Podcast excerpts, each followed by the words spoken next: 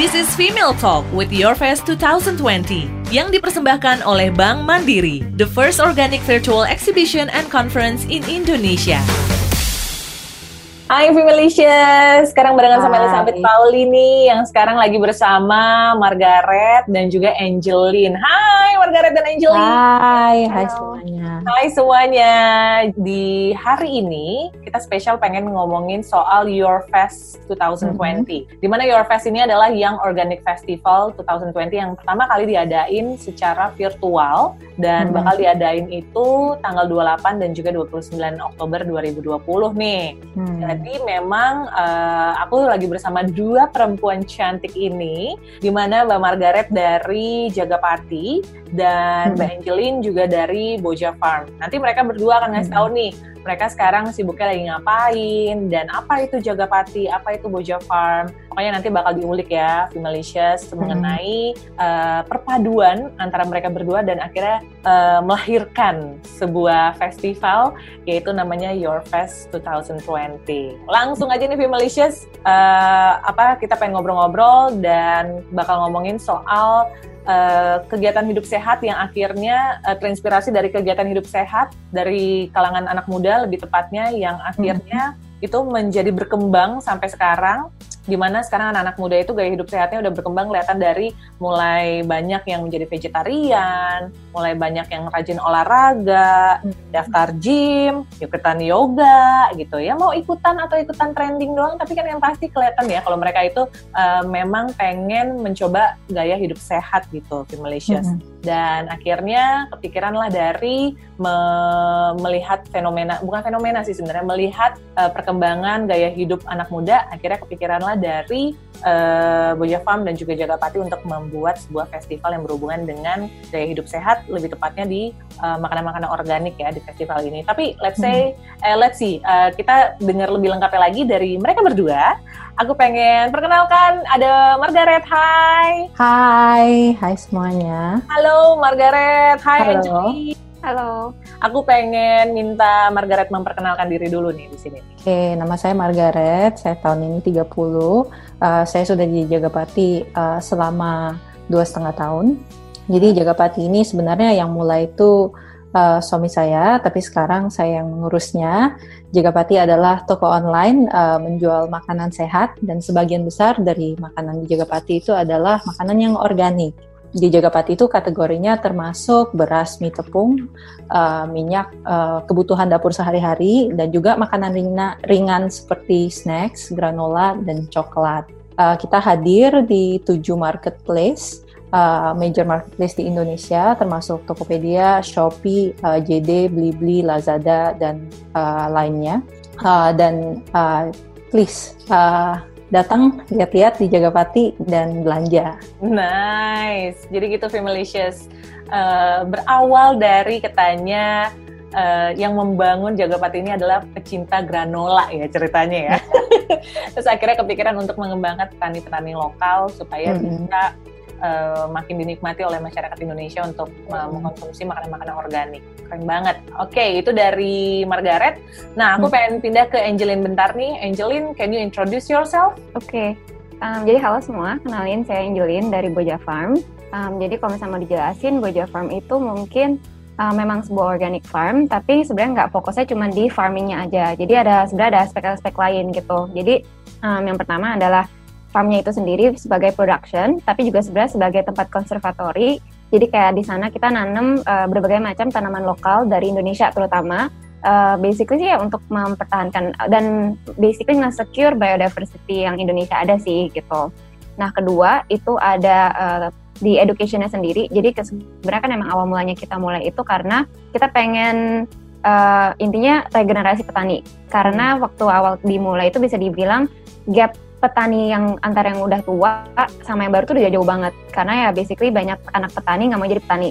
Simply karena ya ada tekulak lah nggak bisa survive apa segala macam nah makanya dengan si lewat Boja Farm ini kita pengen tunjukin kalau uh, lewat bertani secara organik apalagi itu sustainable banget bisa dilakukan dan bisa tetap uh, intinya menghasilkan duit.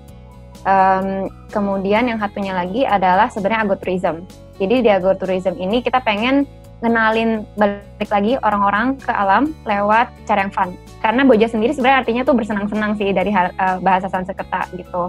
Nah jadinya kita pengen basically introduce back nature atau kayak biar orang bisa reconnect bareng uh, ke alam gitu lewat uh, keliling-keliling, kemudian foraging atau even kayak panen.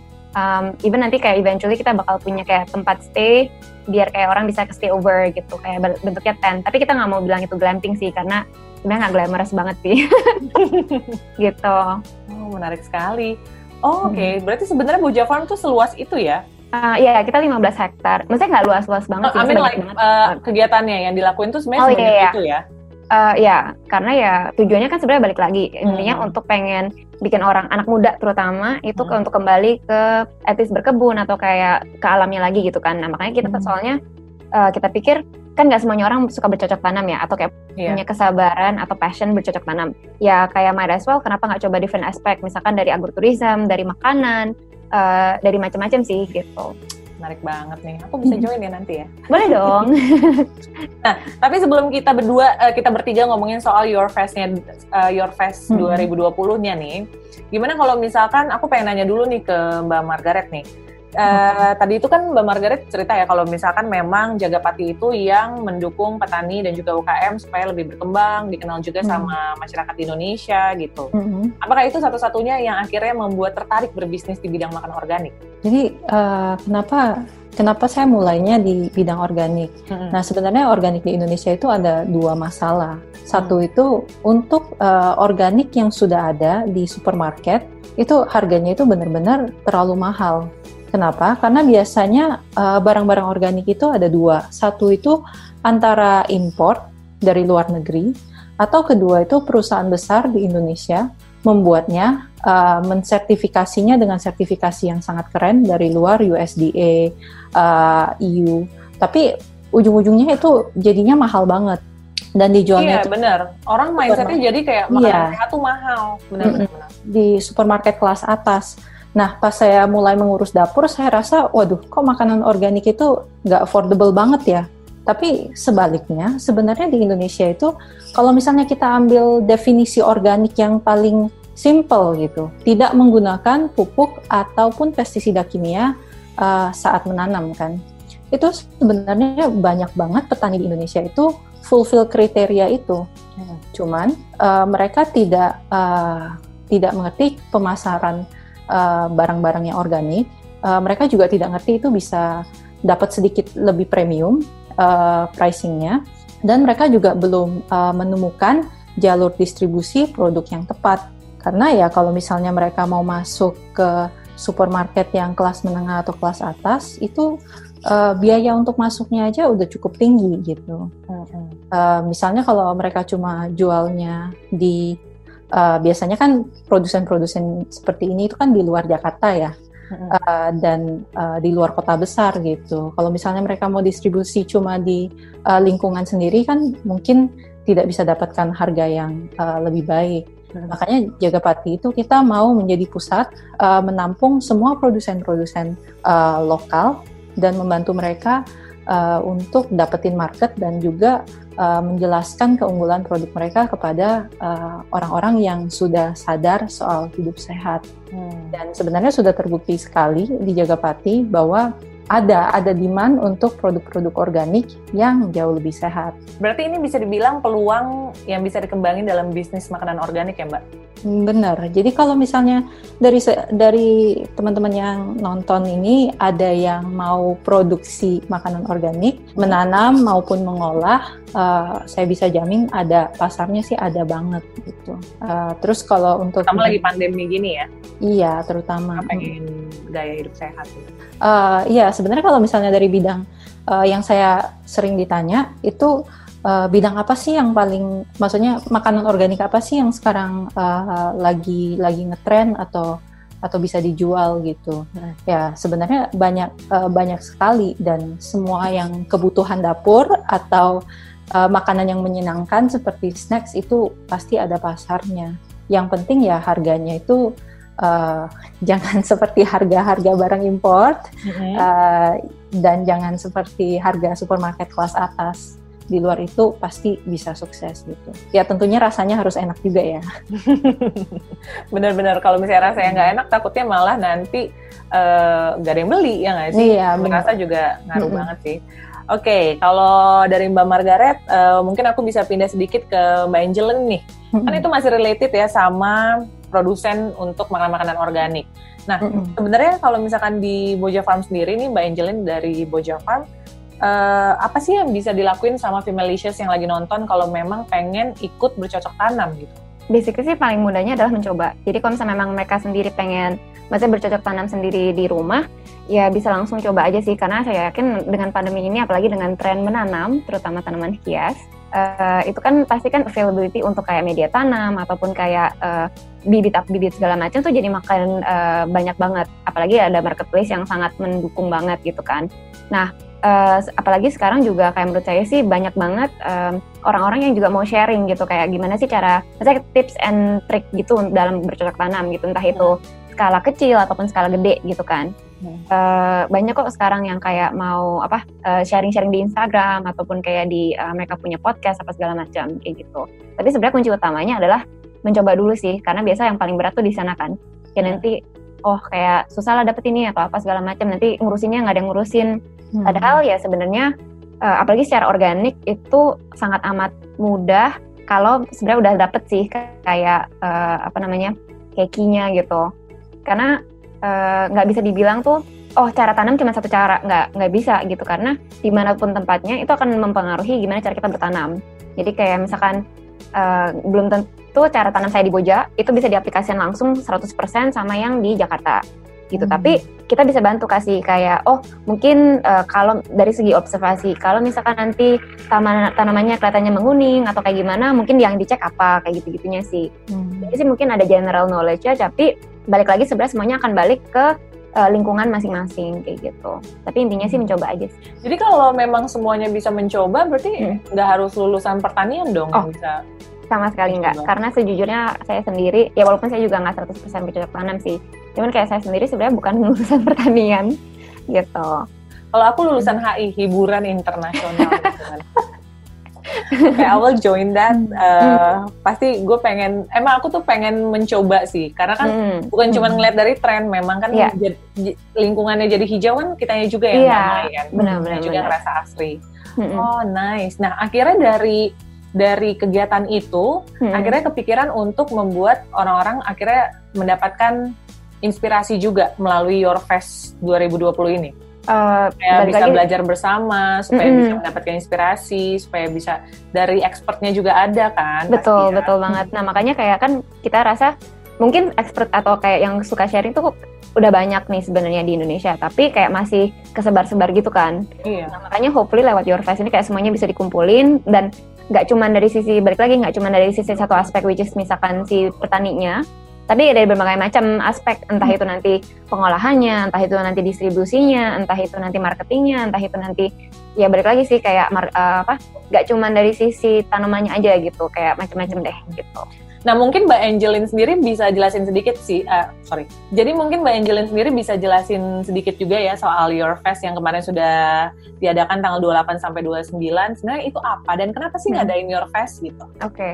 Nah jadi kalau misalnya kenapanya itu sih sebenarnya basically dimulai dari uh, itu kayak kita mulai notice nih kayak makin sedikit petani terutama yang muda-muda gitu kan Uh, padahal ya itu balik lagi kita masih butuh makan, masih butuh uh, belum semuanya kan bisa kayak 100% menghasilkan uh, produce gitu. Mm-hmm. Um, yang kedua adalah uh, sebenarnya kenapa organik sih gitu?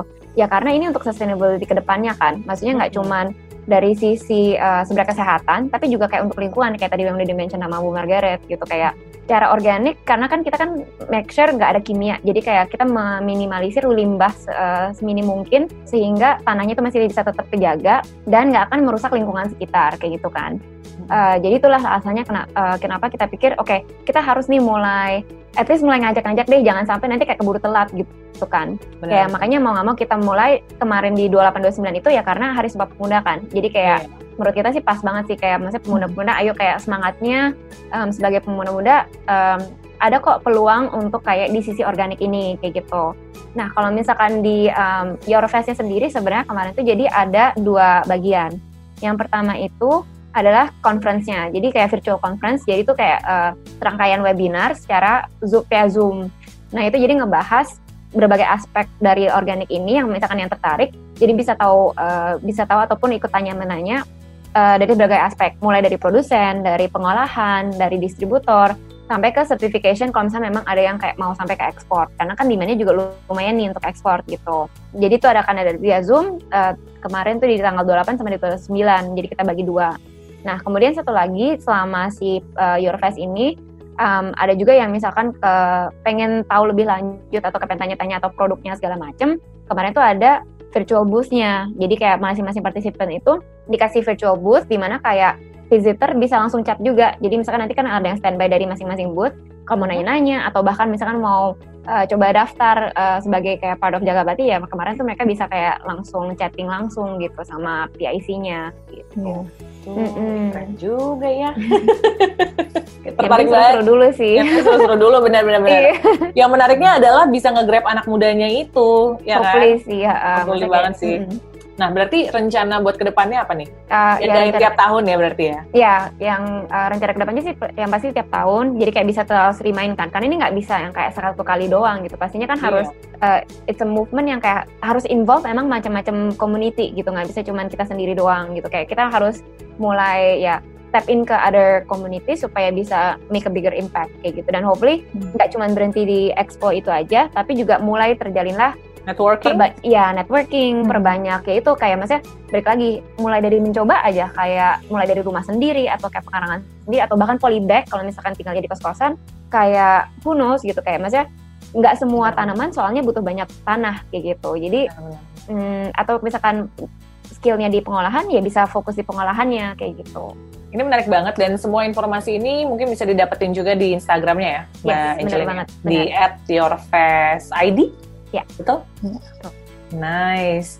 Mbak Angeline, Mbak Margaret, thank you so much for your time dan semoga Your Fest terus diadain setiap tahun, sesukses Amin. kemarin juga udah diadain dan apa namanya makin tiap tahun makin banyak anak-anak muda generasi yeah. muda yang makin tertarik juga ya yeah, untuk betul. mendukung pertumbuhan uh, ekonomi lewat pertanian organik lokal yes. lebih tepatnya. Sip, Thank you banget atas waktunya. Sukses terus. Sampai jumpa. Bye-bye. Bye-bye.